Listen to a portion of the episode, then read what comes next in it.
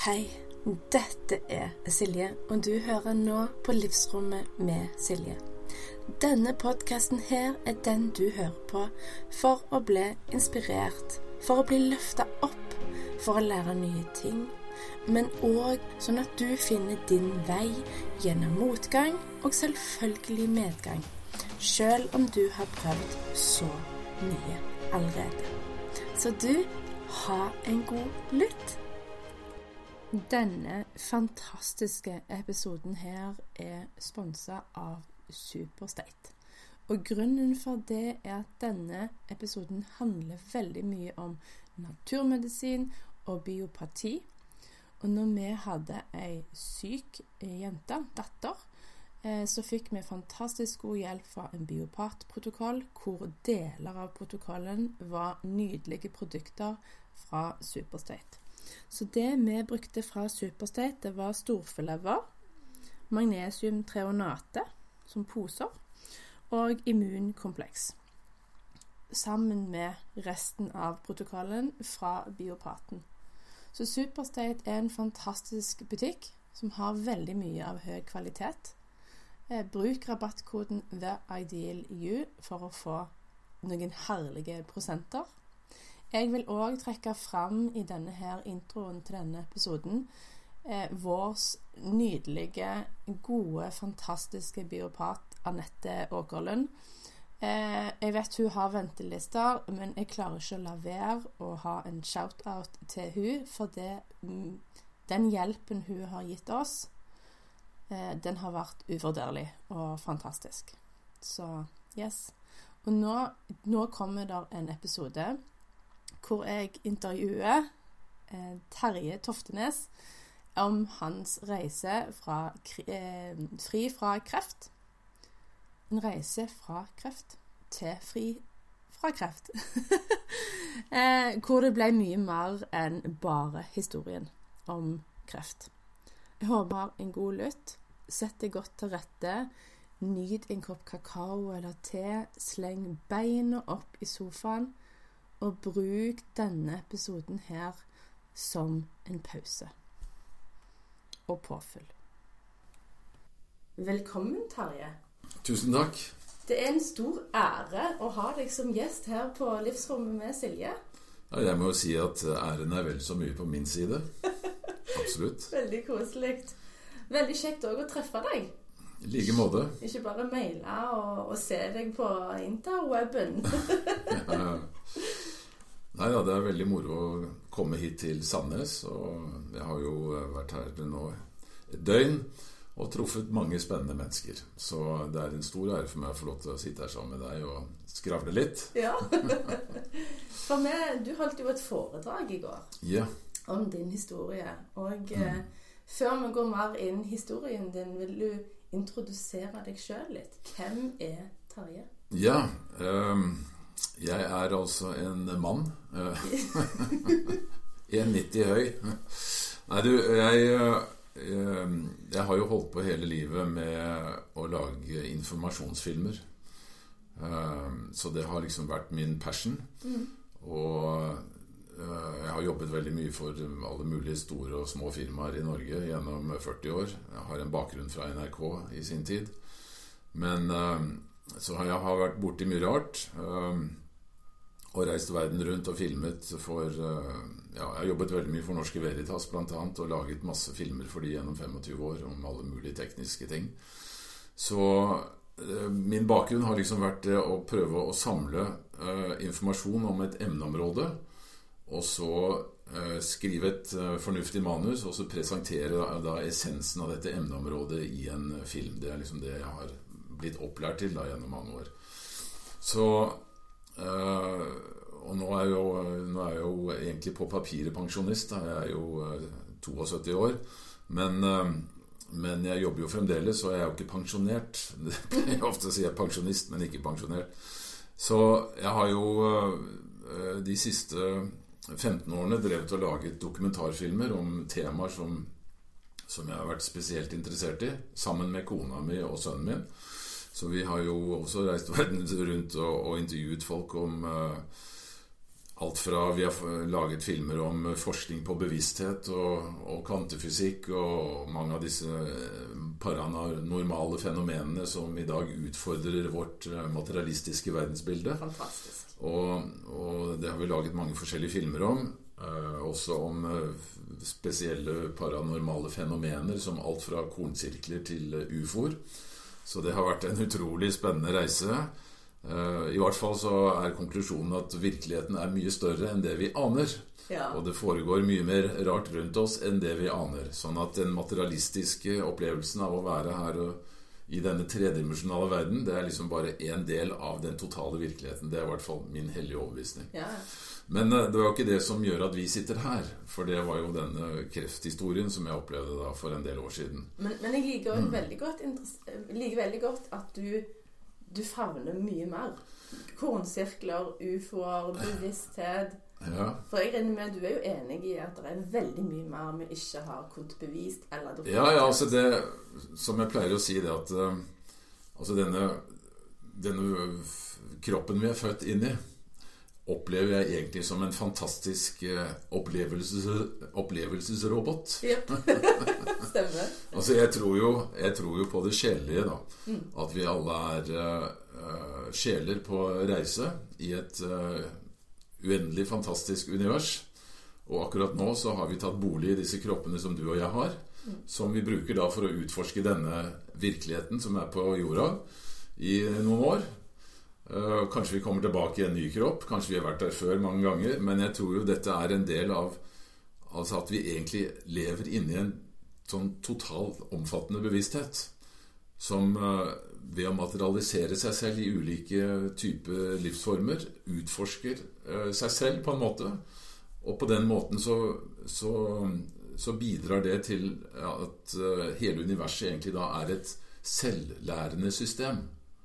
At eh, det er en bevissthet bak, eller som hele universet egentlig er inni, og som hele tiden lærer om seg selv ved å skape seg selv i ulike forskjellige livsformer. Og jeg tror vi er en del av det. Så det er liksom min opplevelse, da. Men det var jo selvfølgelig også med på å prege hele min forståelse av det å, å bli kronisk syk. Fordi at øh, hver eneste celle i kroppen sånn som jeg ser det, er jo også en del av denne opplevelsen. ikke sant? Det er også et intelligent liv.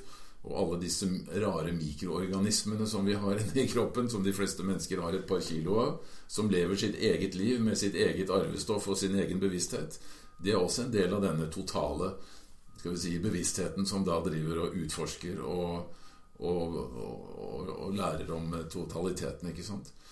Så vi lever i et, selv, et selvlærende system hvor bevisstheten utforsker seg selv ved at den bl.a.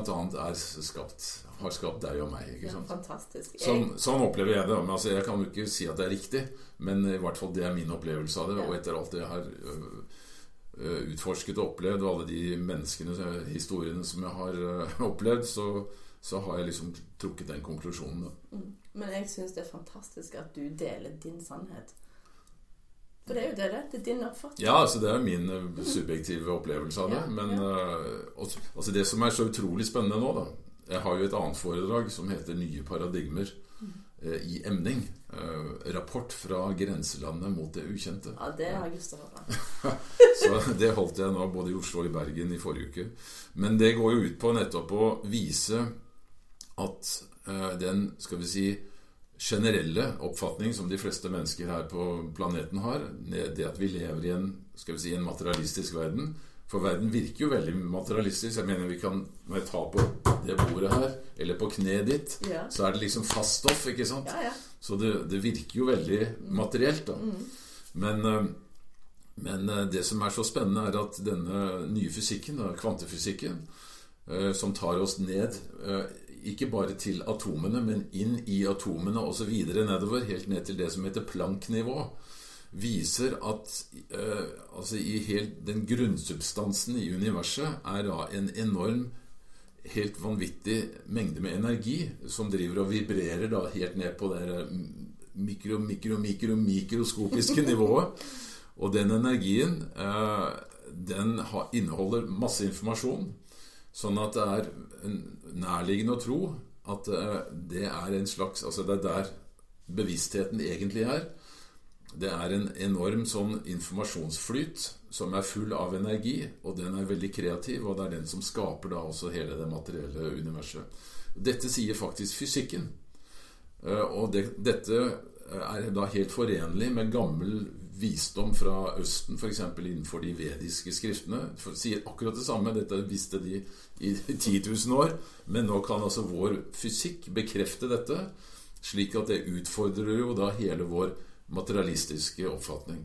Så egentlig, når jeg ser på deg, så ser jeg egentlig en utrolig uh, unik ansamling av vibrerende energier på mikro-mikroskopisk subatomært nivå. Men er, de er satt sammen på en sånn måte at mine øyne oppfatter deg som et menneske, ikke sant? Mm. Mens du egentlig bare er en fantastisk ansamling av vibrerende energier som, uh, som er levende da, og, og, bevisst og intelligent. ikke sant? Mm. Ja, det er fantastisk. Så man får liksom et litt annet perspektiv, perspektiv når mm. du ser på verden på den måten. Samtidig som man selvfølgelig må forholde seg til den vanlige verden også. ikke sant? Jeg mener fotballkamper og et godt måltid er fremdeles uh, veldig bra. Selv om vi, det egentlig da bare er vibrerende energi. Ja. Alt sammen er egentlig bare en sånn enorm ja. energisuppe. ikke sant? Men hadde du med deg denne forståelsen i forkant av kreften? Ja, det Nei, det hadde jeg nok, fordi dette har jo jeg vært interessert i hele ja. mitt voksne liv. Og vi lagde jo en film uh, som var ferdig i 2016. Altså faktisk, da jeg var på det sykeste, så gjorde vi så var vi akkurat ferdig med den filmen. Ja. Som heter 'Bevissthetens kreative spill'. Mm. Uh, og det, den tittelen fikk vi egentlig fra da en, en veldig kjent sånn indisk-amerikansk uh, lege og filosof, Deepak Chopra. Ja. For de som er litt inne i det alternativet, de vet helt sikkert hvem han er. Han er liksom en av de store frontfigurene da, innenfor den nye spirituelle tankemåten. Fordi han sa det at Uh, altså at vi uh, Alt er bevissthet, sa han.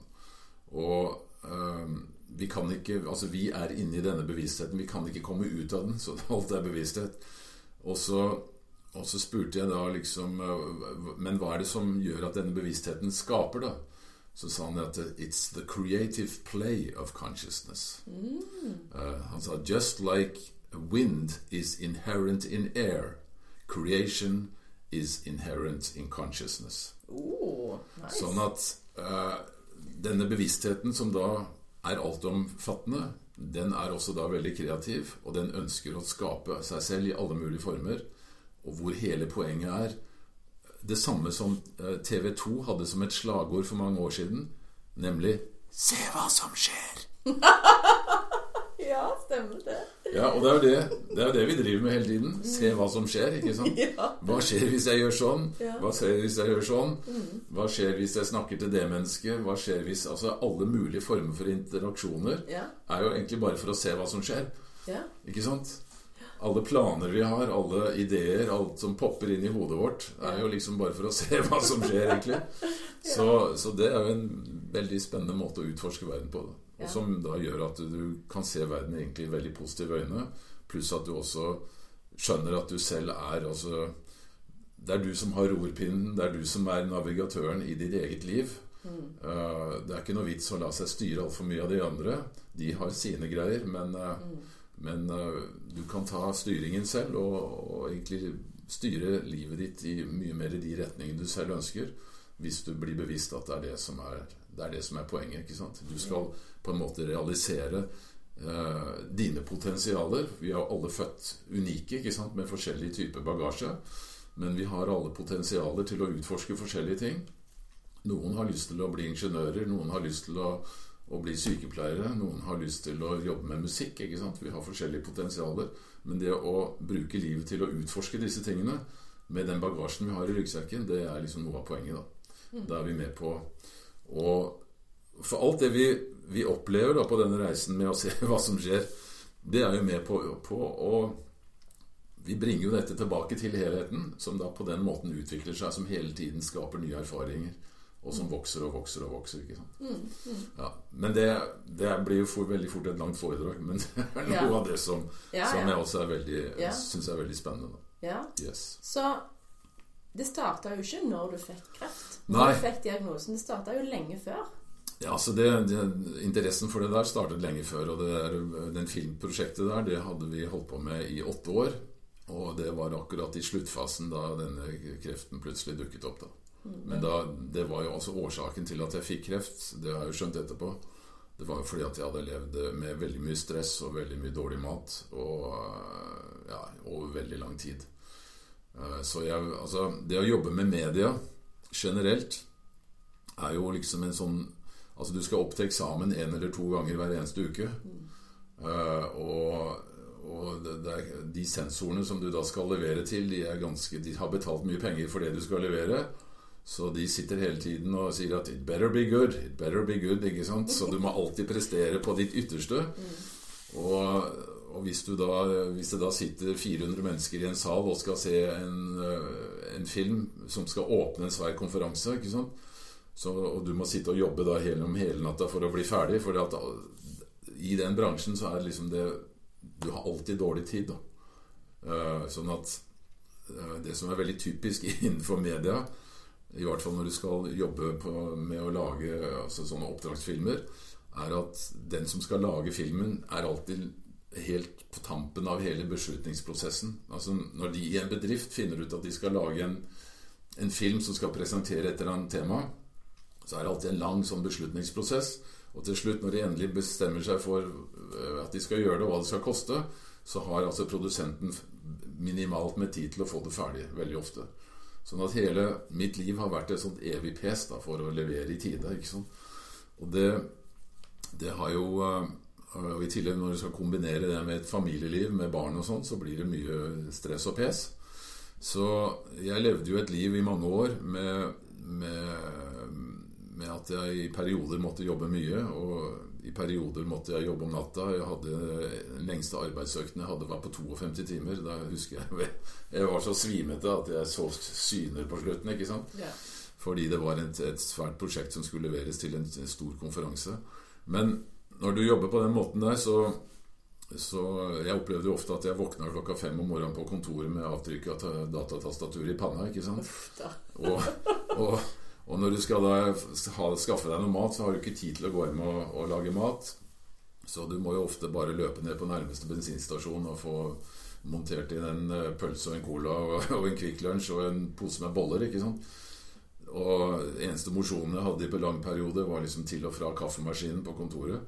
Nå høres jo dette litt ekstremt ut, men eh, det var i perioder, da. Jeg levde jo et familieliv også, så jeg var jo mye hjemme, men, men eh, veldig ofte så var det mye dårlig mat og, og lange økter og lite søvn og mye stress.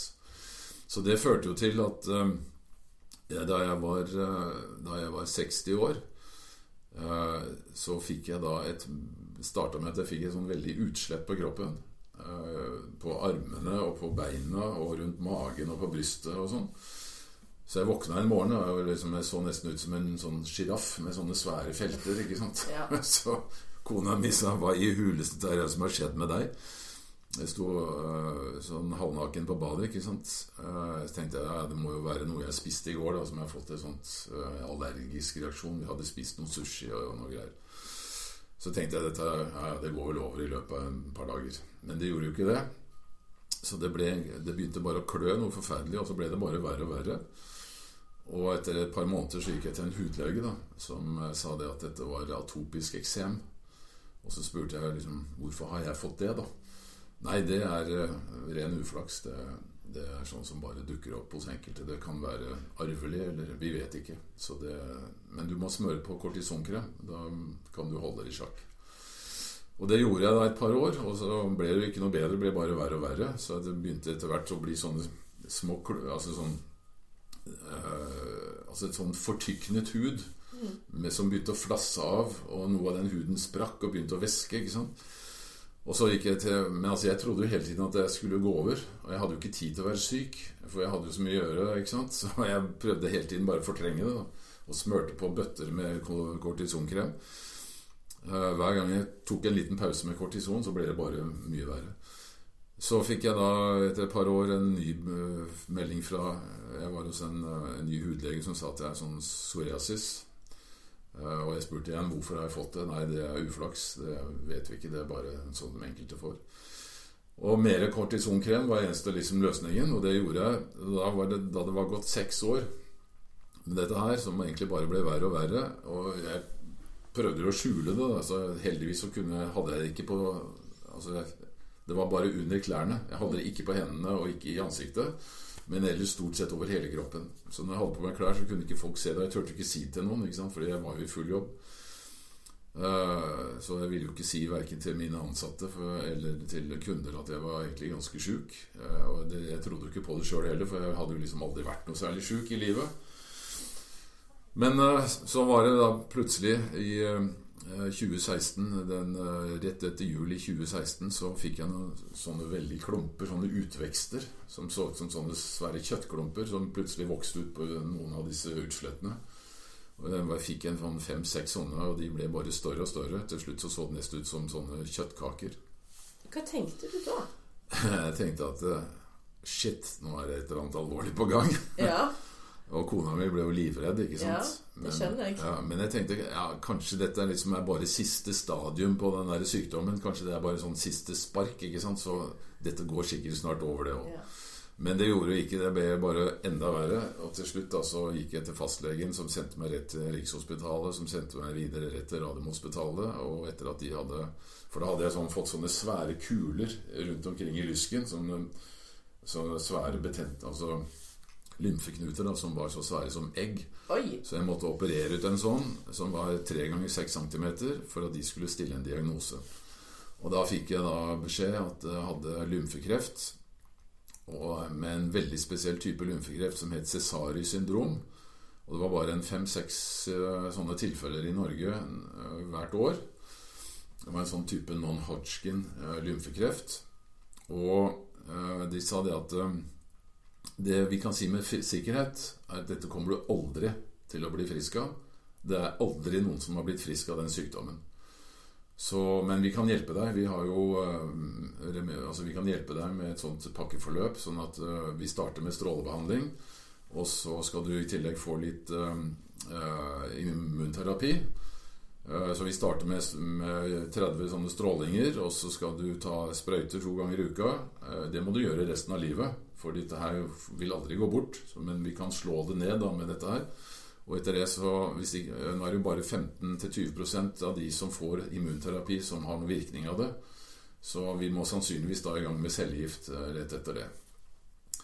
Så dette eh, Og jeg spurte jo hvorfor har jeg fått kreft, da? Nei, det er eh, Det skyldes uflaks. Det er ren tilfeldighet.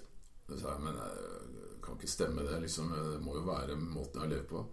Nei, det har ingenting med måten du har levd på, for vi har ingen forskning som viser noen forbindelse mellom denne type kreft og, og livsstil eller kosthold. Så, så, det er ren uflaks. Men hva skal jeg gjøre selv, da? sa jeg. Nei, gå hjem og leve som normalt, så, så, skal vi ta oss av sykdommen. Men jeg sa herregud, jeg kan ikke leve som normalt. Det er altså helt opplagt at den måten jeg har levd på, som gjør at kroppen min har fremkalt dette her Nei, det mente de det hadde ingenting med det å gjøre. Så jeg kunne bare gå med og spise og kose meg når man har kreft, så skal man kose seg og, og, og leve så, så, bra man kan, fordi at man vet jo ikke hvor lenge man har igjen. Så jeg syns det var kjemperart. Og tenkte at, Men så hadde jeg da en bror som var naturmedisiner, og han hadde jo lenge sagt til meg at jeg måtte ta en skikkelig undersøkelse når han så det der utslettet mitt. Det var jo før jeg fikk disse klumpene. Da. Men jeg tenkte at ja, skal jeg gidde det, liksom? Han er jo tross alt lillebroren min, så Så eh, jeg, ja, jeg visste jo hele tiden at det skulle gå over av seg sjøl? Trodde jeg. Men uh, da jeg fikk denne diagnosen på sykehuset, så ringte jeg til ham en gang og sa at nå, nå må jeg ha hjelp, for nå, dette her er plutselig blitt veldig alvorlig. Og da sa han at ja, Terje, eh, endelig, jeg har jo venta på den telefonen lenge, eh, så det er bra du ringer, men jeg tror jeg veldig vil sende den til en av mine kollegaer, i og med at jeg er broren din. Så han eh, ga meg telefonnummeret til en dyktig kollega som han jobber tett sammen med. Og de jobber da begge to med biologisk medisin, altså det er det som kalles for biopater. Så jeg sa til sykehuset at jeg vil drøye den der behandlingen deres litt, for jeg vil prøve noe annet først. Og de sa det at eh, det må du ikke gjøre. Fordi du må i gang med behandling umiddelbart. Du kan ikke begynne å eksperimentere med noe alternativt. Jo, sa jeg, vil det, for jeg, jeg tror at dette må ha noe å gjøre med hvordan tilstanden er inni min kropp. Og de bare rista på hodet og syntes jeg var komplett dust. ikke sant? Mm. Men de sa ok, det er, det er, ditt liv. Det er du som tar beslutningene. Så, men du får komme igjen her om en måneds tid, og så får vi se åssen det går. Ja vel. Jeg dro til biopaten. Han tok en utrolig grundig undersøkelse av meg. Først med en analyse av levende blod. Uh, han la noen bloddråper på et glassplate, og jeg fikk liksom hele blodet mitt opp på veggen på en svær fargeskjerm. Og det var helt utrolig å se seg selv. Altså mine levende blodceller som svømte rundt på den skjermen uten at de var inni kroppen min, men de fortsatte å leve. Ja. Så det var sånn der, merkelig. Altså, her sitter jeg i min kropp, og så har jeg noe av mitt blod er da på et mikroskop, og så fortsetter å leve der ute utenfor meg. Det var ganske sprøtt, men eh, det var fascinerende å se. Så det var nesten som en, å se inn i et sånt akvarium med disse eh, røde blodcellene som svømte rundt her, og de hvite blodcellene som svømte rundt og støvsugde liksom eh, rundt i, i den væsken for å, å, ta bakterier. Og jeg kunne se når de slukte en bakterie, hvordan den virra rundt inni den hvite blodcellen og, og, til slutt døde. ikke sant? Så det var som sånne små sånne hva heter det, robotstøvsugere ja, ja. som svømte inn blant blodcellene. Det var utrolig kult å se på. Og selvfølgelig da masse parasitter og sopp og, og, og ja, mye rart inni der. Det var som å se inn i et sånt utrolig akvarium. Men eh, altså, han hadde et veldig trenet øye. Han hadde sittet og studert dette i 30 år. Så han sa at måten disse blodcellene ser ut på Noen var runde og fine, andre så ut som sånn pæreformer. Noen var veldig tagget i kanten og så ut som ølkorker. Noen hadde klistra seg sammen i svære klyser. Så han sa alt dette forteller meg veldig mye om tilstanden i kroppen din. Og antallet hvite blodlegemer, som det er veldig få av her, forteller meg også veldig mye om tilstanden i kroppen. Så i tillegg til den blodanalysen, som da fortalte han veldig mye, så tok han også en irisanalyse. Fordi altså, den der blå ringen, eller brune ringen rundt det svarte hullet midt i øyet, den inneholder veldig mye informasjon om alle delene av kroppen. Så når du, eh, og dette er jo da kartlagt gjennom eh, hundrevis av år. ikke sant? Sånn irisdiagnostikk. Mm. Så han sa at eh, han tok et bilde, da, et fotografi, og som han også blåste opp en svær skjerm. Og så hadde han et svært kart på veggen hvor han kunne gå inn og se på disse forskjellige områdene da, i øyets iris. Eh, og ut fra det så kunne han også fortelle veldig mye om tilstand. Så, så disse to tingene sammen Ingen av de er 100% nøyaktige, men sammen så gir det oss et veldig detaljert bilde. Og I tillegg så hadde han da et sånt frekvensanalyseapparat som skanna gjennom hele kroppen min for å lese kroppens Altså hvert organ har sin forskjellige frekvens, for, forklarte han. Og ut fra det så kunne det også fortelle veldig mye. Så alle de tre tingene sammen så han ga et veldig bra bilde. I tillegg så leste han jo alle mine eh, blodprøver fra sykehuset. Og han satt og snakket med, meg og fikk meg til å fortelle hele sykehistorien og hvordan jeg hadde levd og spist, og hva slags stress jeg hadde hatt, og bla, bla, bla. Ikke Det tok tre timer. Men etter de tre timene så presenterte han da hele eh, skal vi si, hans konklusjon. Mm. Som jeg skal prøve å ta kortversjonen. Han sa du har en veldig overbelastet lever. Den er tilkloget av giftstoffer. Eh, du har eh, lekt tarm, som gjør at du får veldig mye giftstoffer fra tarmen din over i blodbanen. Eh, det resulterer i veldig mye lavgradbetennelser som du har rundt omkring i kroppen. Og hadde, hadde også veldig mye altså mikroorganismer i blodet. Virus, parasitter, bakterier og sopp. Eh, vi har alltid en del av det, men jeg hadde veldig mye av det. Jeg hadde veldig få eh, aktive eh, hvite blodlegemer. Og Så han sa at altså, ja, Pluss en del ting til som jeg ikke kom på i farten. Men han sa at konklusjonen er at din kropp er så tilkloget av giftstoffer at det er nesten utrolig at du lever i det hele tatt.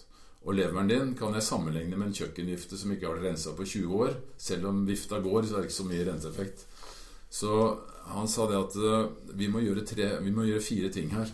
For det første så skal vi rense leveren din og hele ditt, uh, altså lymfesystemet ditt. Vi må få ut all skiten av kroppen din. Det er punkt én. Det andre er at vi må få uh, tettet tarmlekkasjene dine. og bygde opp tarmfloraen. For det, det var også en ting han sa. Det var, jeg hadde veldig dårlig tarmflora. Sa veldig mye av disse problemene starter ofte i tarmen. Og du har en dårlig tarmflora, du har hatt veldig mye betennelser i tarmen, og derfor har du også lekt tarm. Så jeg måtte fikse tarmfloraen og tarmlekkasjene. Og så, jeg, eh, så hadde jeg også veldig dårlige cellemembraner.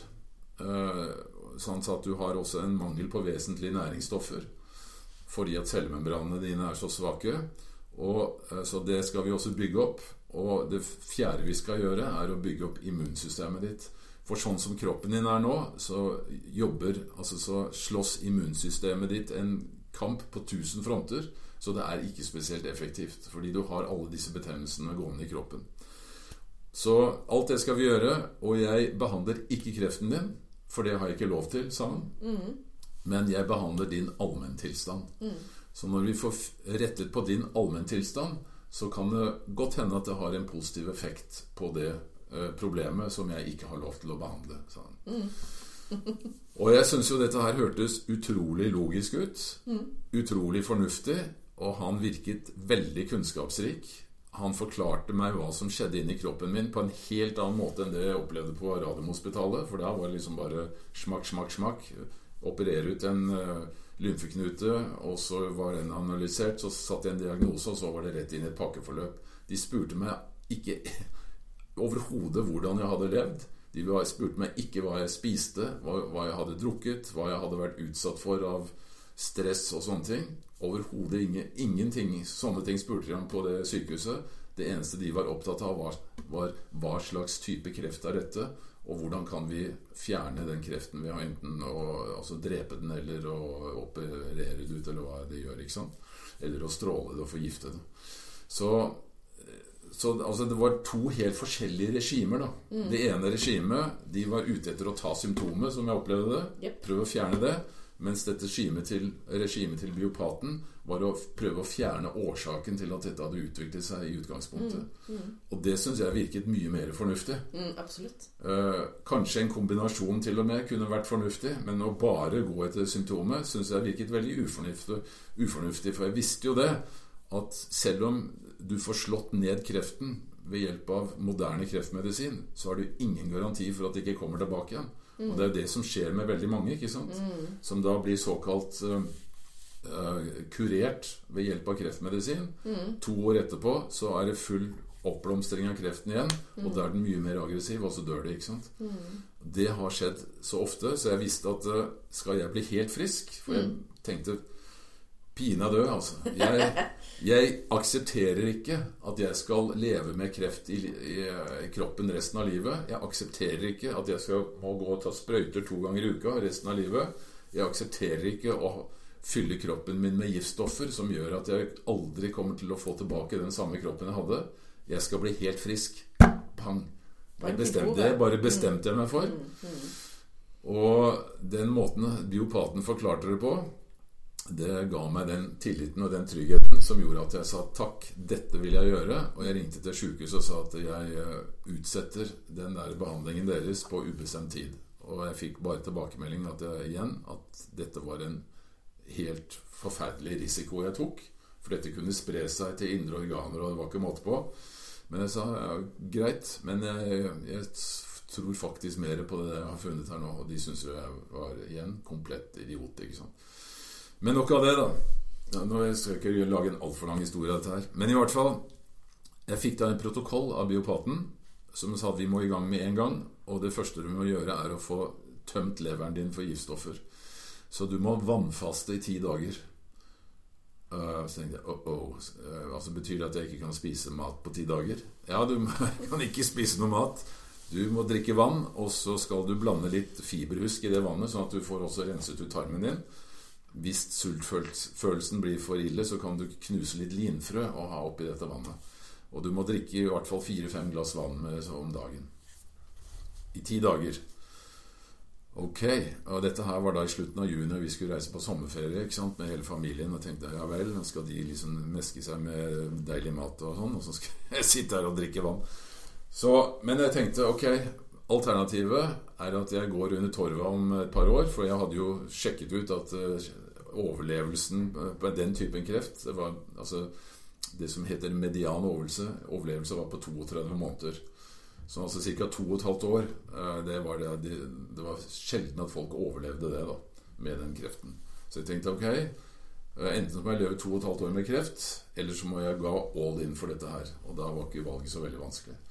Så jeg fas- fasta da i ti dager. Jeg ble, var litt svimete de første par dagene, men etter det så gikk det over. fordi at det som skjer når du faster, er at kroppen ganske fort går over til å bruke ditt reservelager. Vi alle har jo en god del eh, reserve, altså fettceller i kroppen. Og det er jo kjempeviktig. Det er jo kroppens måte å sørge for at ikke du eh, sulter i hjel. Og kroppene våre er jo, er jo utviklet eh, for mange, mange tusen år siden. Hvor man ikke spiste tre store måltider hver dag. Man spiste kanskje i beste fall tre måltider i uka. Sånn at eh, kroppen har utviklet en evne til å lagre over, altså overskuddsnæring til eh, tider hvor du ikke kan spise. Og det var det som skjedde med min kropp. da, At i løpet av to-tre dager så gikk den over til å, å ta næring fra mitt eget fett. Og da var ikke jeg sulten lenger.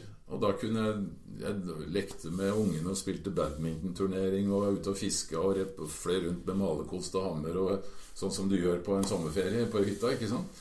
Det var helt greit. Det var ikke noe problem i det hele tatt. Det eneste problemet var når de hadde øh, hjemmebakt pizza liksom inne i stua. Og da måtte jeg gå og sette meg på brygga. For den lukten var litt heftig. Ja. Men, øh, men altså det, ti dager med vannfaste var ikke noe problem. Og etter det så skulle jeg over på en grønnsakssuppe. Øh, for å spise da grønnsaker som var altså de lavglykemiske, som inneholdt lite sukker. Og det er de som vokser på bakken. Altså alle former for kål. Altså brokkoli, hodekål, mm. øh, blomkål, fennikel Altså alle disse typene sånne vekster.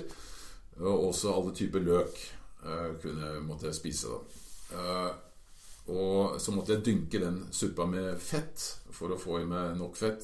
Fordi jeg levde jo da Da skulle jeg over i ketose, hvor du egentlig primært lever av fett. da Eh, Og kroppen lever helt kjempefint på fett.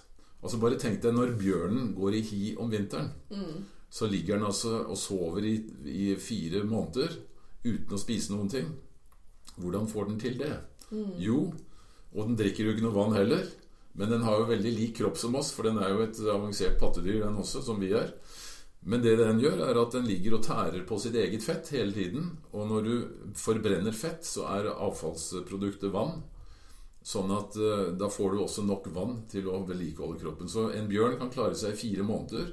I, altså den faster i prinsippet i fire måneder. Og vi kan også, hvis vi har litt å gå på rundt kroppen, så kan vi altså Det er ikke noe problem å, å, å leve i en måned, eh, eller altså fem-seks uker uten, eh, uten mat, så lenge du har en del fett på kroppen fra før av. Så, så det er sånn som vi er laget da, fra naturens side. ikke sant?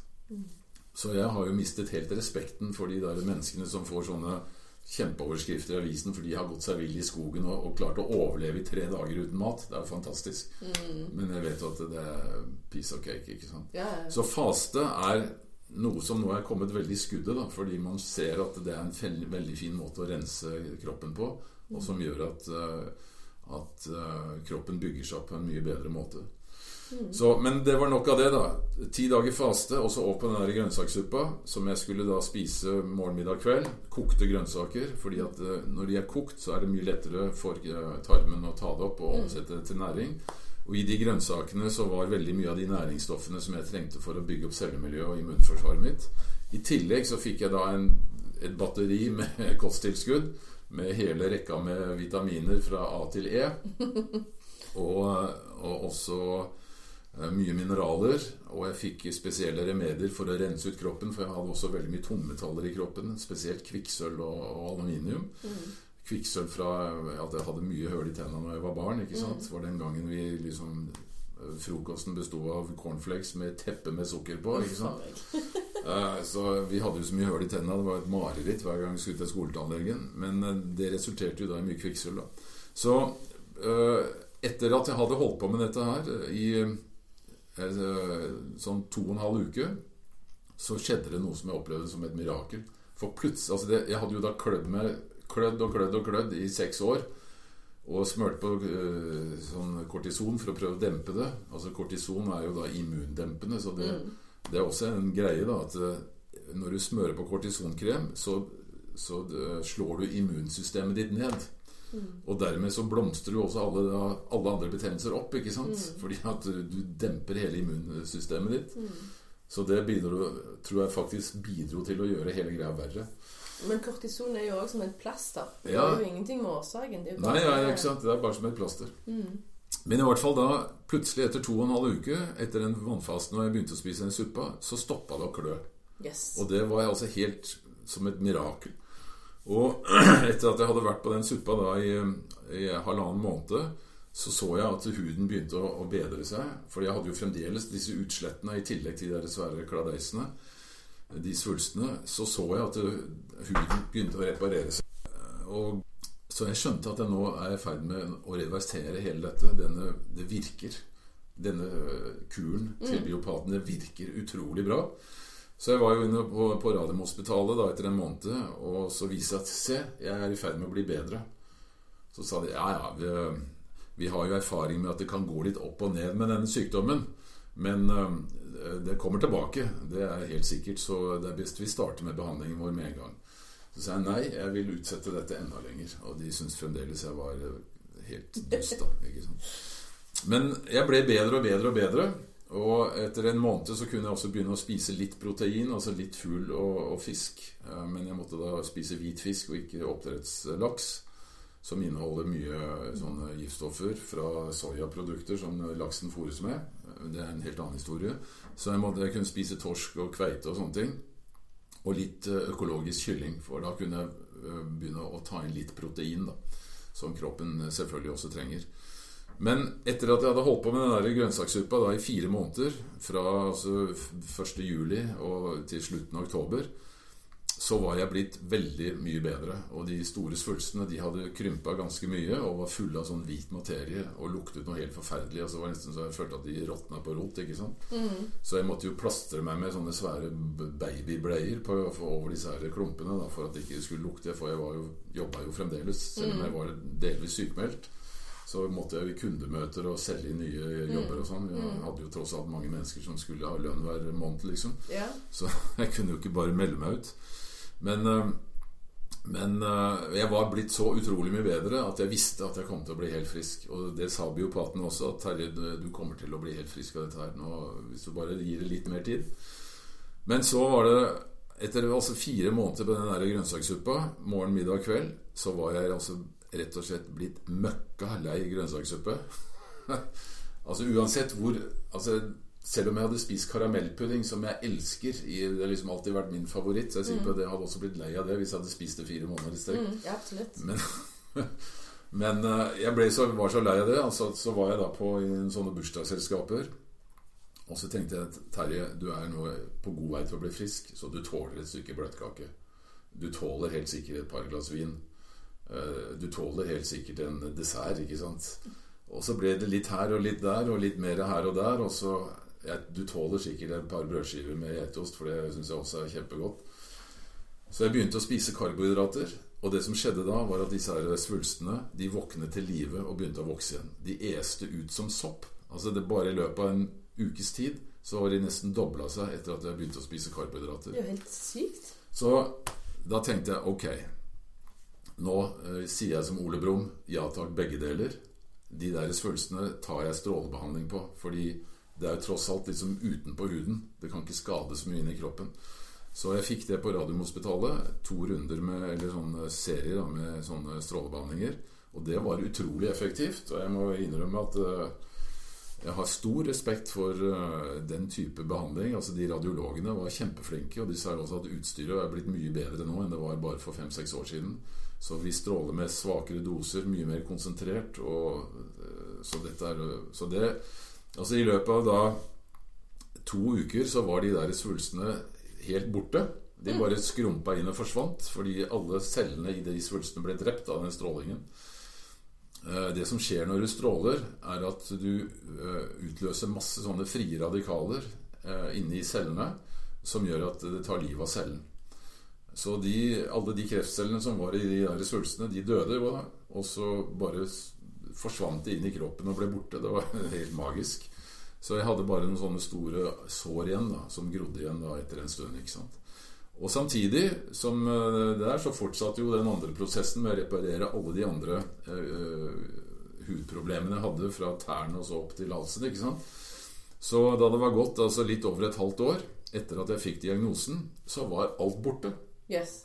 Både de svære kreftsvulstene, alle lymfeknutene var gått tilbake til normalen, og all psoriasis og all atopisk eksem var helt borte. Og jeg så ut som ja, jeg var liksom 25 år igjen på kroppen. ikke sant? Og sånn har det vært siden. Og så var jeg da inne igjen på kontroll på Radiumhospitalet. Det var vel da Dette var ute i slutten av januar. Eh, da var det vel gått sju måneder. Og så sa jeg se, jeg er helt, blitt helt frisk. Ja ja, men det kommer tilbake. Dette er bare midlertidig. Altså, jeg bare rista på hodet. Eh, og de var overhodet ikke interessert i å høre hva jeg hadde gjort. da Eh, men eh, så tok de da en sånn biopsi. Altså de tar ut en sånn vevsprøve fra benmargen i hofteskåla. Mm. Boret inn liksom en sånn og tok ut en sånn greie som så ut som en fyrstikk. Mm. Og så blir den sendt til et laboratorium, og så tar det fire-fem uker før det får svar derfra. Men da, da fikk jeg svar, da, etter, da var det vel syv måneder etter diagnosen, at jeg var kreftfri. Oh, og da fikk jeg en telefon fra legen eh, som sa det at eh, Toftnes eh, dette er jo nesten eh, du, vært, du, er en av de som har vært virkelig heldige. Du har hatt utrolig flaks, for du, du er faktisk kreftfri. Um, så den strålebehandlingen, den gjorde susen, sa han. jeg sa ja, ok, jeg har nok en litt annen teori med alt det jeg gjorde i tillegg til det. Mm. Men uh, selvfølgelig, det kan være en kombinasjon. Men uh, så sa jeg at men, altså, hvis jeg faktisk nå er den første eh, noensinne, ifølge dere, som har blitt frisk av denne kreftformen. Ja, jeg var den første. Han hadde aldri hørt om noen andre som var blitt frisk av det, så det måtte han innrømme. Jeg var den første noensinne. Så sa jeg, men da regner jeg med at forskningsavdelingen ringer meg med en gang, for jeg skrev under på et papir her når jeg kom inn at jeg skulle stille meg til rådning for forskning. Så han ja, du skjønner rett ofte at for jeg hadde jo fortalt han om denne kuren ikke sant, som han egentlig ikke var interessert i. Så sa han ja, du skjønner at vi har så mye å gjøre her på sykehuset at vi har mer enn nok med å forske på de som blir syke. Vi har ikke tid til å forske på de som blir friske. Og da tenkte jeg shit, altså det er helt Altså, Jeg kan jo fortelle folk hvordan de kan bli friske av dette her. Nei, nei, det, den der behandlingen min det hadde ingenting med saken å gjøre. For det, de hadde ingen forskning som kunne vise til at det hadde noe som helst effekt. Så han sa det var rett og slett ren flaks at jeg var blitt uh, frisk. Mm. Og på samme måte som det var ren uflaks at jeg var blitt sjuk. Mm. Så det som jeg forsto da, er at Radiumhospitalet er kjempeflinke til å fjerne og drepe kreftceller, men de skjønner ikke bæret av hvorfor du får kreft. Mm. Uh, nå innrømmer de likevel at det kan ha visse sammenhenger. De sier at den, siste jeg så nå Nå er jo dette seks år siden, da. Men det siste jeg så nå, var at de sier at en tredjepart av alle krefttilfeller kan nok ha en forbindelse med, må med livsmåten uh, man lever ja. på. Men de kan ikke si akkurat hvordan mekanismen er, men de ser at det kan være en viss forbindelse. Mm. Mens denne biopaten hadde jo en helt krystallklar forklaring på hva som var skjedd. ikke sant? Mm. Så jeg tenkte at uh, jeg kan ikke holde kjeft om dette her. Det er andre som har samme sykdommen, og de må øh, Jeg har en plikt til å fortelle, til i hvert mm. fall å legge denne informasjonen ut på en eller annen måte. Mm. Og så tenkte jeg ok, Terje, du har brukt hele livet på å lage informasjonsfilmer. Da får du ta og lage en skikkelig dokumentarfilm om dette her. Mm. Og det brukte jeg da et år på. Og, og så den var ferdig da eh, i eh, 2019. Jeg ble jo altså friskmeldt da i våren 17. Og så startet jeg med en gang eh, da å lage den eh, filmen. Men jeg måtte jo reise rundt og møte masse forskere både i USA og rundt omkring i Europa. Og i tillegg så måtte jeg også eh, vente litt for å se om jeg fikk tilbakefall. da ja, ja. Fordi de sa jo at jeg ville få det. ikke sant Så jeg sa det er litt dumt hvis jeg lager en film at jeg er blitt frisk, og så er jeg fremdeles sjuk. Så derfor så måtte jeg vente litt med å, ja. å lage filmen ferdig. Men eh, i november i 2019 så var den filmen ferdig, og jeg var fremdeles frisk som en fisk. Mm. Ingen som helst tegn. hadde jo hud som en barnerumpe ikke sant, over hele kroppen.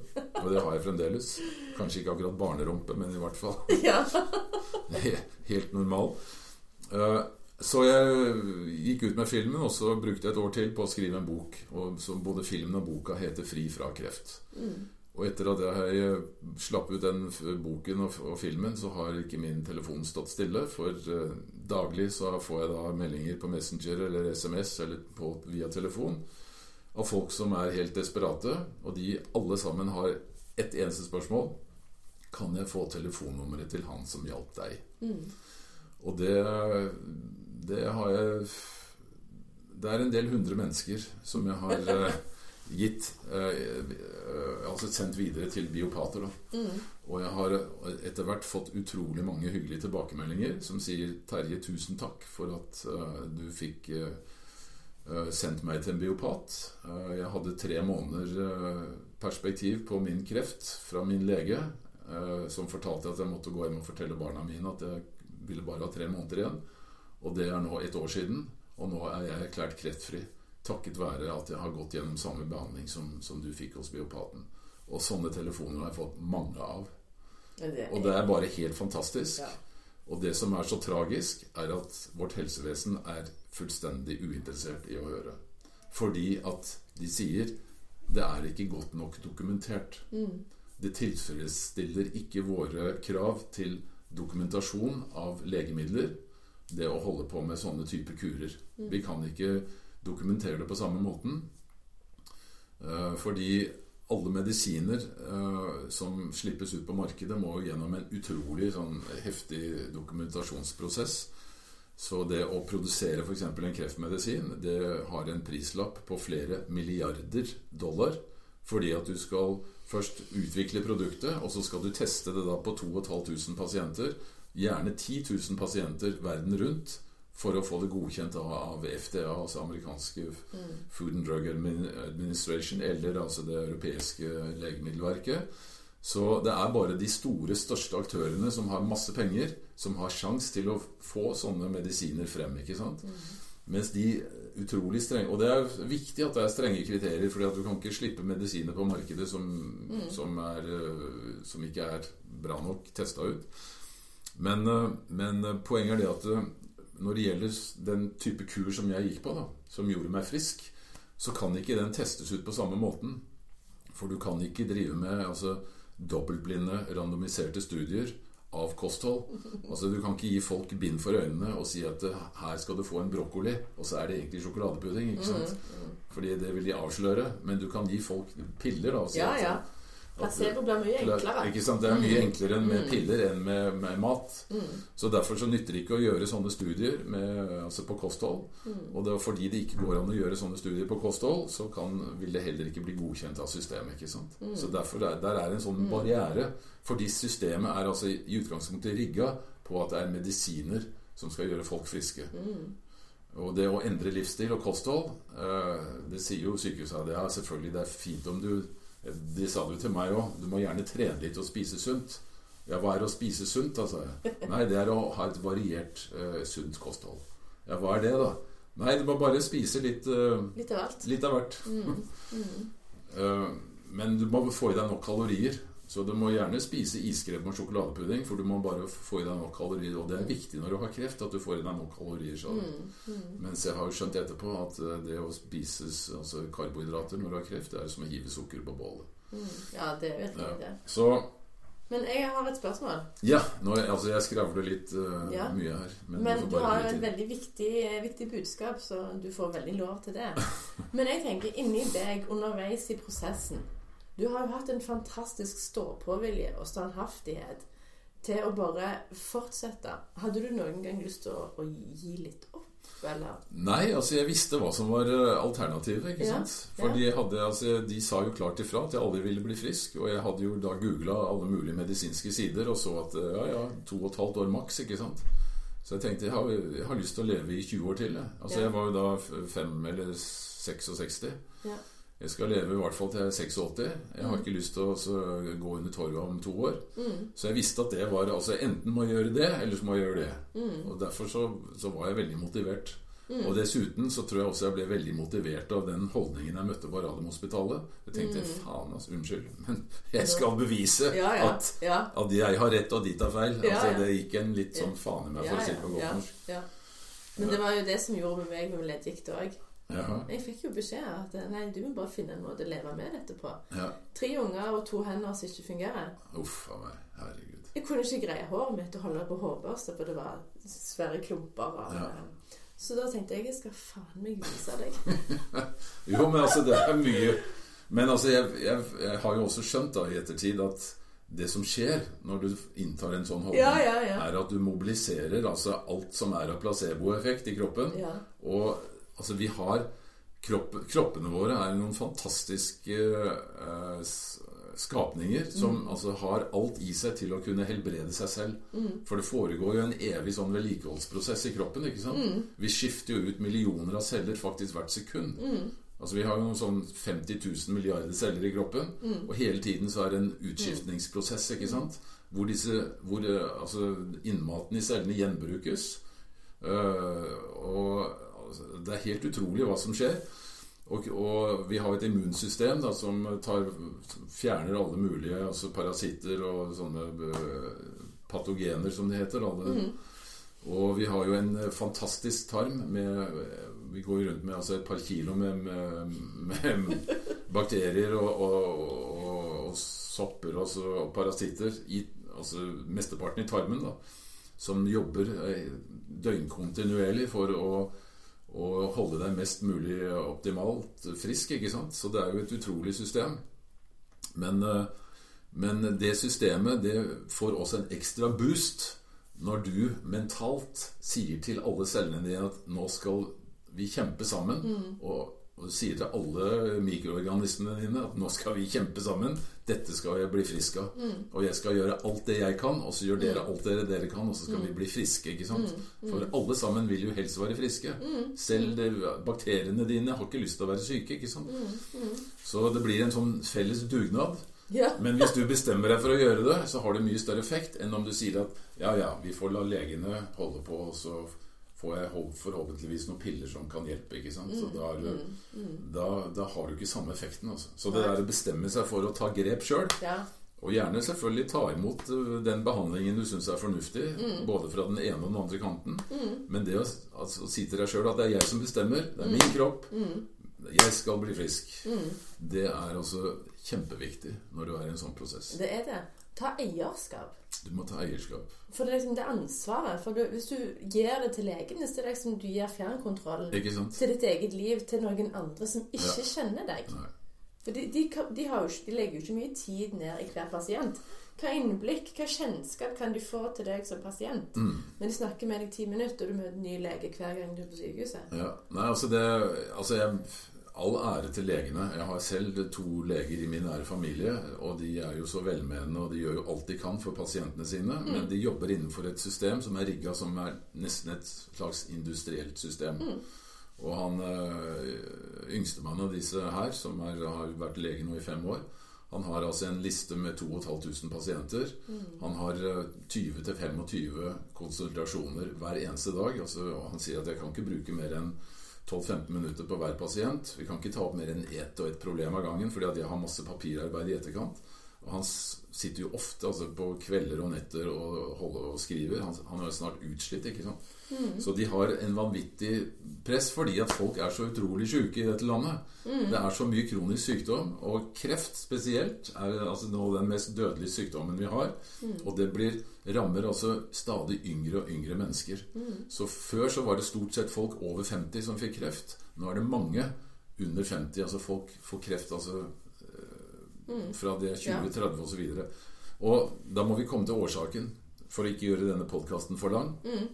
Hvorfor får vi kreft? Ja, hvorfor? Hvorfor? Og det var det. Jeg hadde altså to spørsmål i hodet når jeg var, kom ut fra denne Eller fikk beskjed om at jeg var kreftfri. Det ene var 'Hvorfor ble jeg syk?' Og det andre var 'Hvorfor ble jeg frisk?' Så jeg gikk jo i gang og tenkte at jeg må lære meg alt som går an å lære om kreft. Så jeg s- fikk tak i masse bøker og leste alle mulige rapporter og artikler på nettet. Og skjønte fort at det var forskningsmiljøer som hadde helt andre syn på hva kreft egentlig er. mm. og som da eh, var i ferd med å utvikle helt nye teorier og helt nye behandlingsformer. Tenkte jeg at de må jeg dra og besøke. Så jeg dro over til USA og traff tre forskjellige eh, forskere der.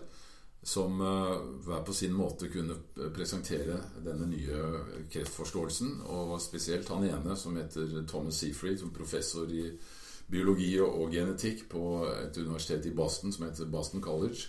Han driver en svær avdeling som, som har forsket på denne nye kreftformen.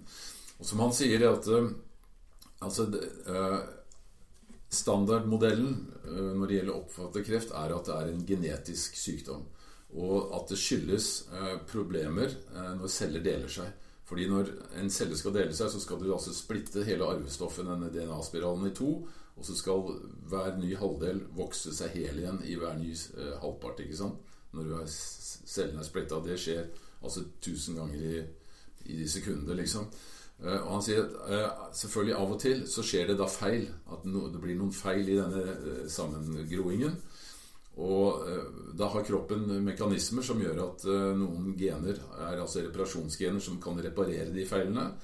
Og så er det, Hvis ikke det funker, så har vi immunceller som dreper de cellene som er feil. Men enkelte ganger så kan disse cellene da slippe ut i blodbanen og begynne å vokse helt vilt fordi at de er skadet. så de de har ikke de samme kontrollmekanismene. De følger ikke samme programmet da, som normale mm. celler. Mm. Og da blir det til kreftceller. Så det er den rådende teorien, at det er altså en genetisk feil mm. i, i, celledelingen. Mm. Så problemet ligger da i cellekjernen, sier mm. de eh, forskerne. Mm. Og dette var jo spesielt etter at de oppdaget DNA-spiralen på 50-tallet. Så ble all forskning liksom Aha, det er selvfølgelig den DNA-spiralen. Det er feilen her, ikke sant. Men så sier da denne nye forskningen at det, det er ikke sånn den, disse mutasjonene da, som, som, oppstår i, i, kreftceller, det er bare en sekundær effekt. Ja. For det som egentlig skjer, er at cellen er altså blitt så full av toksisk materiale gjennom alt det du har spist, og alt det du har fått i deg av, av mm. altså sprøytestoffer og ja. alt, alle stresshormoner og alt mulig. Så når du har levd et liv med, på, på, denne usunne måten, som er veldig typisk egentlig i vårt vestlige samfunn, så vil det bygge seg opp da en toksisk eh, belastning i kroppen. Og leveren prøver å rense ut dette hele tiden, men når, når altså påfyllet av toksisk materiale blir større enn det leveren klarer å rense ut, så begynner den å deponere disse toksiske materialene rundt omkring. Og da får du altså cellemiljøer som blir så giftige at det ødelegger eh, deler av disse eh, elementene som er inni cellen. Og det er spesielt av disse små kraftstasjonene som heter mitokondrier, som er veldig viktige inni cellen. Vi har altså, De ser ut som sånne små ostepops, men mikroskopiske. Mm. Så vi har et par hundre til et par tusen sånne inni hver celle. Ja. Og de produserer energien, for mm. cellens viktigste oppgave er å produsere energi som gjør at vi kan mm. bevege armer og bein. ikke sant? Mm. Så når, de, eh, når det blir så mye giftstoffer inne i cellen, så blir disse mitokondriene ødelagt. Da slutter de De kan ikke produsere energi lenger på den normale måten. Og de produserer jo vanligvis energi ved hjelp av at de forbrenner eh, sukkermolekyler, altså glukose, og fettsyrer og protein sammen med oksygen. Så du kan tenke deg nesten en vedovn. Den trenger jo også oksygen, ikke sant? Mm. Og så Du hiver altså sukker og fett og protein inn i ovnen, mm. og så forbrenner det. Mm. Og avfallsproduktet er da CO2. Mm. Og, og, pluss litt vann, da. Mm. men, men uh, når uh, disse mitokondriene er ødelagt, så kan de ikke nyttiggjøre seg oksygen. De kan ikke altså da rett og slett Ovnen har dødd ut, for å si det på mm. godt norsk. Mm. Sånn at, at cellen har da et, et valg. Enten så må den Eh, ta livet av seg selv.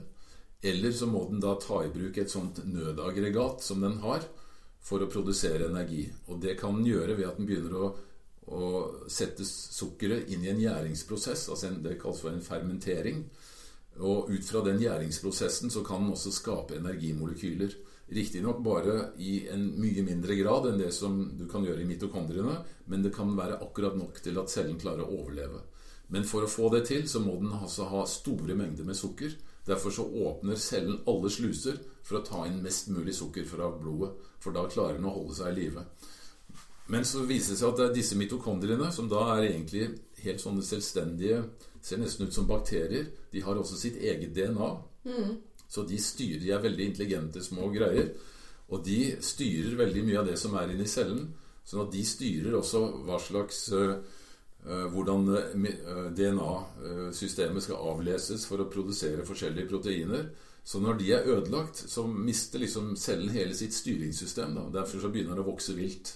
Den, altså, den, for det er et alle sunne celler de er styrt av en informasjonsstrøm mm. som forteller hva de skal gjøre til enhver tid. Men når mitokondriene er ødelagt, som på en måte er formidleren av den informasjonen, mm. så begynner cellene å vokse vilt. Mm. Og Det er det som skjer med kreftceller. Og de deler seg mye fortere, og de dør ikke, for de har skrudd av dette selvmordsprogrammet. Mm.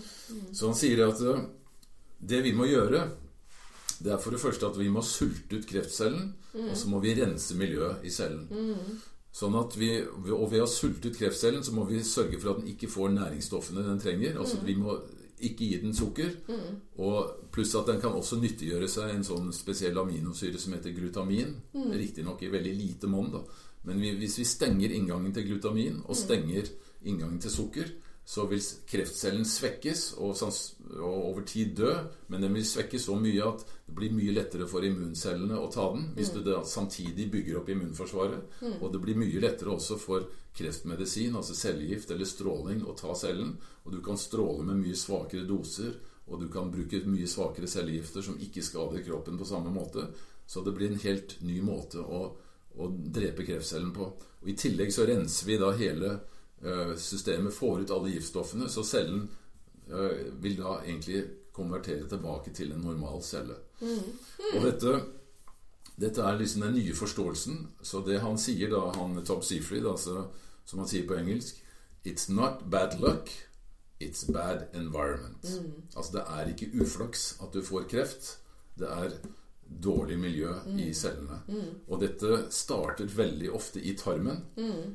hvor du får betennelser i tarmen mm. fordi at du spiser feil mat. Du, det er mange årsaker til det. Mm. Det er også stresshormoner. Mm. Hvis du er veldig stressa, hvis du er traumatisert mm. altså, Det viser seg f.eks. at uh, det er en sammenheng. Altså Kvinner som har vært gjennom en heftig skilsmisse, mm. utvikler oftere brystkreft enn kvinner oh. som ikke har vært det. Kvinner som har mistet et barn ja. uh, i en trafikkulykke, utvikler ofte oftere uh, kreft mm. enn kvinner som altså, Det er sammenhenger mellom traumatiske ja, opplevelser ja, og kreft. Fordi at hjernen og magen mm. henger veldig sammen gjennom denne vagusnerven. Jeg mener, Du vet jo det. Hvis du skal uh, gjøre noe i morgen som du gruer deg veldig til, så får du ofte løs mage. ikke sant? Mm. Og vice versa. Sånn at det er veldig mye som påvirker da miljøet inni cellen. Alt fra, altså, Og pluss virus. Virus ødelegger også mitokondrier. Hvis du har sånn papillomavirus f.eks., eller altså HPV-virus, mm. så ødelegger det mitokondriene.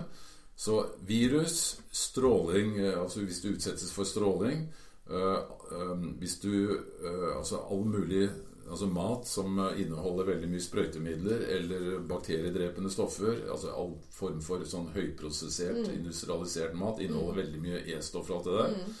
Det skaper sånne toksiske tilstander. Uh, lite søvn skaper toksiske tilstander. Mye stress, uh, traum, traumer osv. Så, videre. så det er en sånn cocktail av ting som da mm. gjør at du får uh, et dårlig cellemiljø og mye mm. giftstoffer i kroppen. Og når det bygger seg opp over tid, så han ene som jeg var og besøkte, en lege nede i, Sveits som har drevet med dette i over 25 år, han sier at du kan nesten sammenligne kroppen med en slags gifttønne. Du begynner å fylle gift i den tønna fra det første øyeblikk du begynner å spise vanlig mat når du er mm. barn. Etter at du har sluppet puppen og begynner å spise, så får du begynner å få det i deg. Så lenge du er ung, så har kroppens rensesystemer så god effekt at de klarer å rense det ut. Men etter hvert, når det blir sånn 30-40-åra som mm. begynner å bygge seg opp. Og når du har runda 60, så renner det plutselig over kanten på den tønna. Mm. Og hva gjør du da? Jo, da prøver du å finne en serviett og tørke det av. Altså i form av at du tar medisiner mm. for å prøve å, mm. å, stoppe den kroniske sykdommen. Mm. Fordi du plutselig har blitt rammet av en uh, uforklarlig sykdom. Du har plutselig fått revmatisme, hjerte-karsykdom, Parkinson, Alzheimer, uh, tarme... Uh, irritabel tarmside, altså mm. you name it. Mm. Alle sånne kroniske tilstander skyldes denne gifttønna som da mm. renner over til slutt. Så han sier istedenfor å tørke av toppen, så må du trekke ut båndproppen. Mm, og, og, det er det vi gjør, sier han. Så vi renser kroppen sånn at vi får all skiten ut, og så kan du tilbakestille kroppen 20-30 år, ikke sant. Mm, mm. Så og det var det han sa til meg, at det er det du har gjort, Terje. Og da skjønte jeg For jeg skjønte jo ikke hva som foregikk egentlig i kroppen min mens det pågikk. Ja. Men etter at jeg fikk all denne kunnskapen og traff Ja. disse forskerne, Ja. så skjønte jeg at det var det jeg hadde gjort. Mm. Jeg hadde trukket ut båndproppen på gifttønna mi. Ikke sant? Jeg vil bare sirkle litt tilbake igjen til det med at det starter oftest i tarmen. Ja. For det er det mange må høre. Og økologisk mat er så dyrt. Mm. Eh, og da er det mye enklere å kjøpe billig drittmat i, i Ja. hermetegn. Men med denne her større forståelsen om at det er miljøet som forårsaker kreften, så vil jo den, den økologiske brokkolien eller økologiske kjøttet Det er jo en investering i resten av livet. Da er det jo ikke en kostnad, da er det en investering. ja, det er helt riktig. Og dessuten så trenger du ikke spise eh, tre store måltider om dagen. Nettopp! Så jeg vil, altså Hvis du spiser økologisk mat, selv om den er litt dyrere, så kan du bare spise litt mindre. fordi, Absolutt. fordi at vi har Altså, kroppen justerer seg veldig fort til det. Ja. Og nå er det jo en sånn, blitt en sånn ny fastetrend. Hun, Marit Kolby har jo eh, vært en forkjemper for det. Sånn at eh, frokost er ikke en nødvendighet. Altså Vi har fått høre hele tiden at du må alltid starte dagen med en god frokost. Frokost er det viktigste måltidet om dagen. Så, men hun sier altså hvorfor det? Altså det, Du kan vente med å spise Du kan gjerne ta en kaffekopp om morgenen og så vente med å spise noe til du skal spise lunsj. Og så spiser du et stort måltid eh, i 5-60 om ettermiddagen, men så bør du helst ikke spise mer før neste dag. Og det lever du veldig fint på, og det er jo mye billigere enn å spise tre svære måltider om dagen. Og masse Og masse, og masse mellommåltider, ikke sant, som uh, reklamen frister deg til, med sånne, melk, sånne mellombars. Ja, stemmer det. Koster 60-70-80 kroner stykket, ikke sant? Det er uh, Nei, så det er det Altså, kosthold er ekstremt viktig. Det er en veldig viktig faktor. Mm. Og, uh, og tarmen din er altså nøkkelen. Og han sier jo det, han Thomas Rau som, i Sveits, som har drevet med biologisk medisin, han er, den i, han er den i Europa som vet mest om dette. Mm. Han sier at alle kreftpasienter som kommer til oss, er i utgangspunktet tarmvrak. Ja. U- Altså det, er- mm. det, er, det er ikke noe å diskutere engang. Alle har en veldig dårlig tarm. Enten fordi de har veldig dårlig tarmflora, eller fordi de har mye betennelser i tarmen hvis de har spist mat som de reagerer på. Og han sier at i det vestlige kostholdet så, så er det så lite skal vi si, sunne bakterier i mye av den maten vi spiser, at vi har altså bare halvparten av de bakteriene vi egentlig trenger. Hvis du sammenligner med folk som lever tett på naturen, eller eh, altså urfolk, så har de en helt annen tarmflora enn det vi har i, i Vesten. Altså, det er en av årsakene. Så det, men det, er, altså det med det mikrobiomet, da, så det er vel et foredrag i seg sjøl. ja. Men, eh, men det kostholdet og, og tarmflora er ekstremt viktig. og Det er ofte der problemene starter. Så selv om du da får eh, kreft i Altså selv hjernesvulst starter ofte i magen. Eh, Kreftceller de kan jo vandre i kroppen. det kan de også. Så det, ja, så det Men det, jeg kan si mye om det. Men det er begrensa hva vi har tid til. her. Ja, det er nettopp det. Men òg det her med, med biopati. Ja. Jeg vil bare belyse det bitte litt før vi avslutter. Ja, altså Biopater har en øh, Jeg vil jo si Innenfor hele det alternativspekteret av medisin så finnes det mye forskjellig. Og det finnes også en liten prosent som driver med mye som er veldig rart. Så jeg skjønner jo myndighetene som er litt øh, Skeptisk. skeptiske. For det er klart, altså med tre vi- weekendkurs i en, en eller annen form for terapi og henger opp et skilt på veggen og det kurerer alle mulige sykdommer, det, det holder ikke. ikke sant? Men det er ikke så mange som gjør det. Det er liksom en bitte liten prosent som er litt useriøse, som beveger seg på kanten. Resten er veldig seriøse mennesker. Biopater er noen av de som jeg ser på som de som har mest kunnskaper. For de har en, en lang utdannelse på fire år. Uh, I tillegg til at veldig mange har eh, tilleggskurser og lang erfaring. Så de vet jo mye mer om ernæring og kroppens uh, skal vi si, fysiologi enn de fleste leger. Eh, og dessverre så har vi ikke så mange av de. For det er en ganske ny i Norge, en mm. ny type utdannelse. Og vi, vi har riktignok mange biopater, men det er, det er ikke så veldig mange av de som har denne kunnskapen til å kurere altså, eh, vanskelige sykdommer som kreft. Eh, en av grunnene til, til det er jo at de har egentlig ikke lov til å drive med det. Og Derfor så sier de også at de kurerer egentlig bare kroppens allmenntilstand. Mm. Men eh, jeg skulle jo ønske at de kunne få lov til å samarbeide mer Mm. med det Mm. helsevesenet. Mm. Og ta det beste fra begge sider, ikke sant? Vi må bygge en bro. Vi må bygge en bro, Mm. og som han Thomas Rau sier, at vi bruker også vanlig kreftmedisin når det folk kommer folk med aggressiv kreft. For det, så kan ikke vi vente liksom la kreften vokse mens vi holder på å rense kroppen. Mm. Det tar ofte et halvt år å få renset kroppen skikkelig og få bygd den opp. Mm. Så de må ikke dø av kreft i mellomtiden. Så da Mm. bruker vi gjerne stråling og cellegift for å bremse kreften, Mm. sånn at de kan overleve mens de renser kroppen. Ja. Så han sier at uh, Mm. ja, Ja, det beste, beste fra begge deler, ikke sant. Mm. Så det er jo, syns jeg, virker veldig logisk. Så jeg skulle bare ønske at vi kunne få bort den der sperra som sier at uh, uh, at denne medisinen ikke er godt nok dokumentert. Men nå har vi altså så mange eksempler på at det funker. Mm. Og logikken er helt krystallklar. Og som Thomas Seafried sier, vi har alle bevisene Mm. på at den metabolske forståelsen av hva som skaper kreft, Mm. er mye riktigere enn den genetiske. Absolutt. Men han sier at for at vi skal få gjennomslag på det, så må det puttes så mange doktorgrader i skuffen at det tar veldig lang tid. Mm. Men det kommer sakte, men sikkert. Det er flere og flere sykehus nå i verden som bruker Mm. dette systemet Mm. med stor uh, suksess. Så bare eksemplene blir mange nok, så vil nok også dette etter hvert um, bli implementert. Da. Men Mm. Mm. det er et veldig rigid system uh, som, som er nødt til å, å jobbe etter veldig spesifikke regler og konsensus. Det skjønner man for så vidt også. Ja. Så det er derfor så tar det tid da å implementere. Men Mm. igjen så hører jeg fremdeles folk som sier at de har vært kreftoperert, og når- de var ferdig med operasjonen, så fikk de servert sjokoladepudding og bamsemums av, av legene fordi at de hadde vært så flinke. Og det er altså det verste du kan gjøre mot folk som har ja, kreft. det synes jeg Så er det er, hårreisende. det er helt hårreisende. Så den myten må i hvert fall Den må dø. Den må dø fort. Ja, vet du hva. Yes. Ja, men du, hvor kan, folk, hvor kan lytterne finne deg henne? Uh, nei, altså, jeg står i telefonkatalogen. så det er bare å søke på navnet mitt, Terje Toftnes.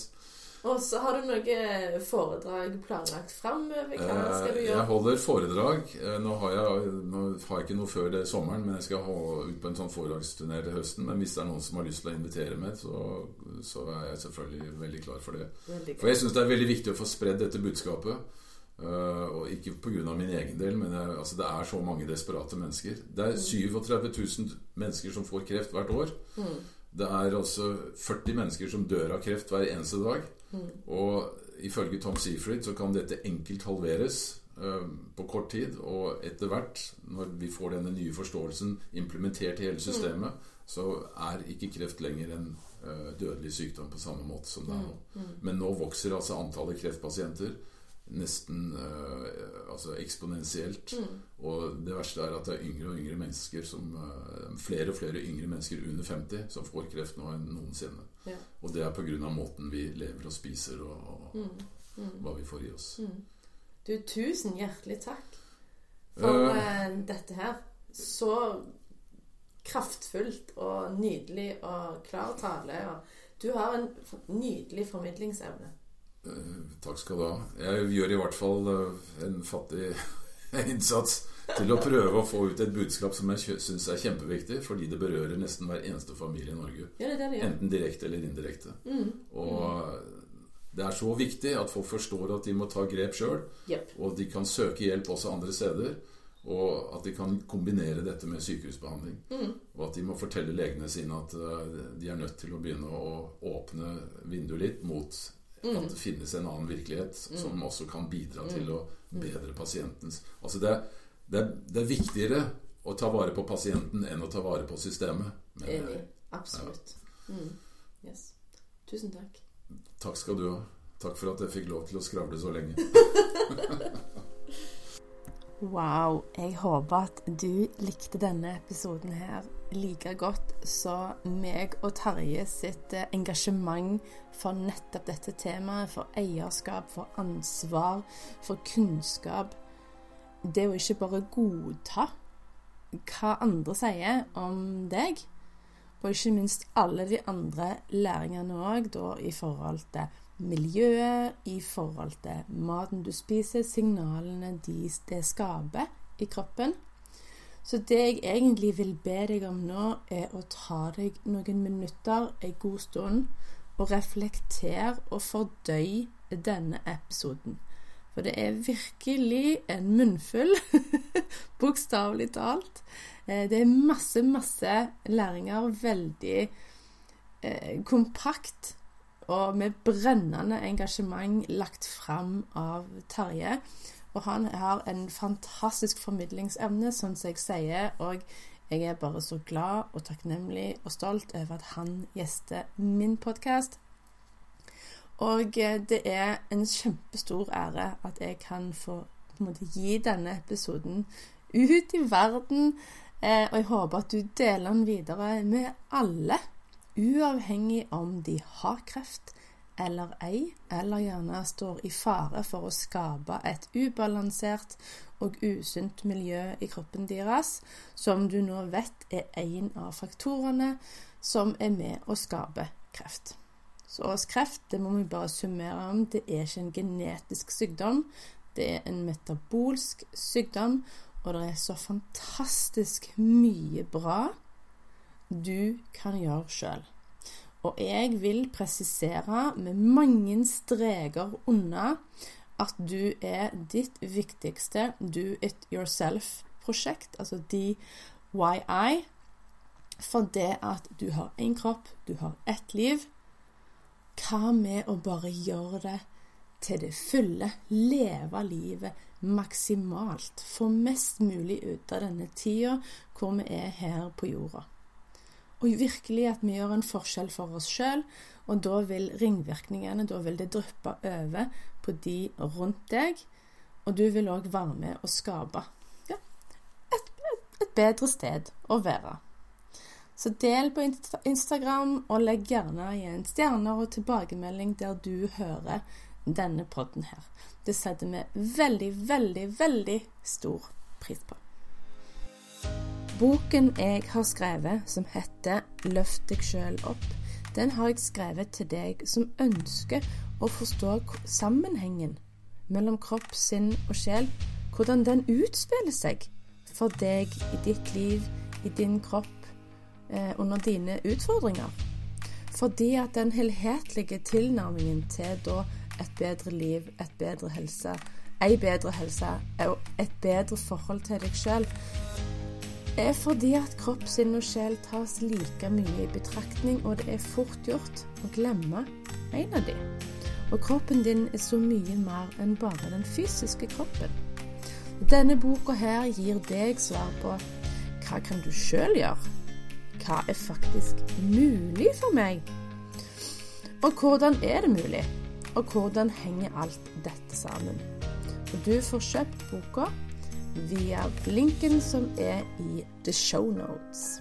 Og gi meg veldig, veldig, veldig gjerne tilbakemelding på hva du syns om boka når du har lest den.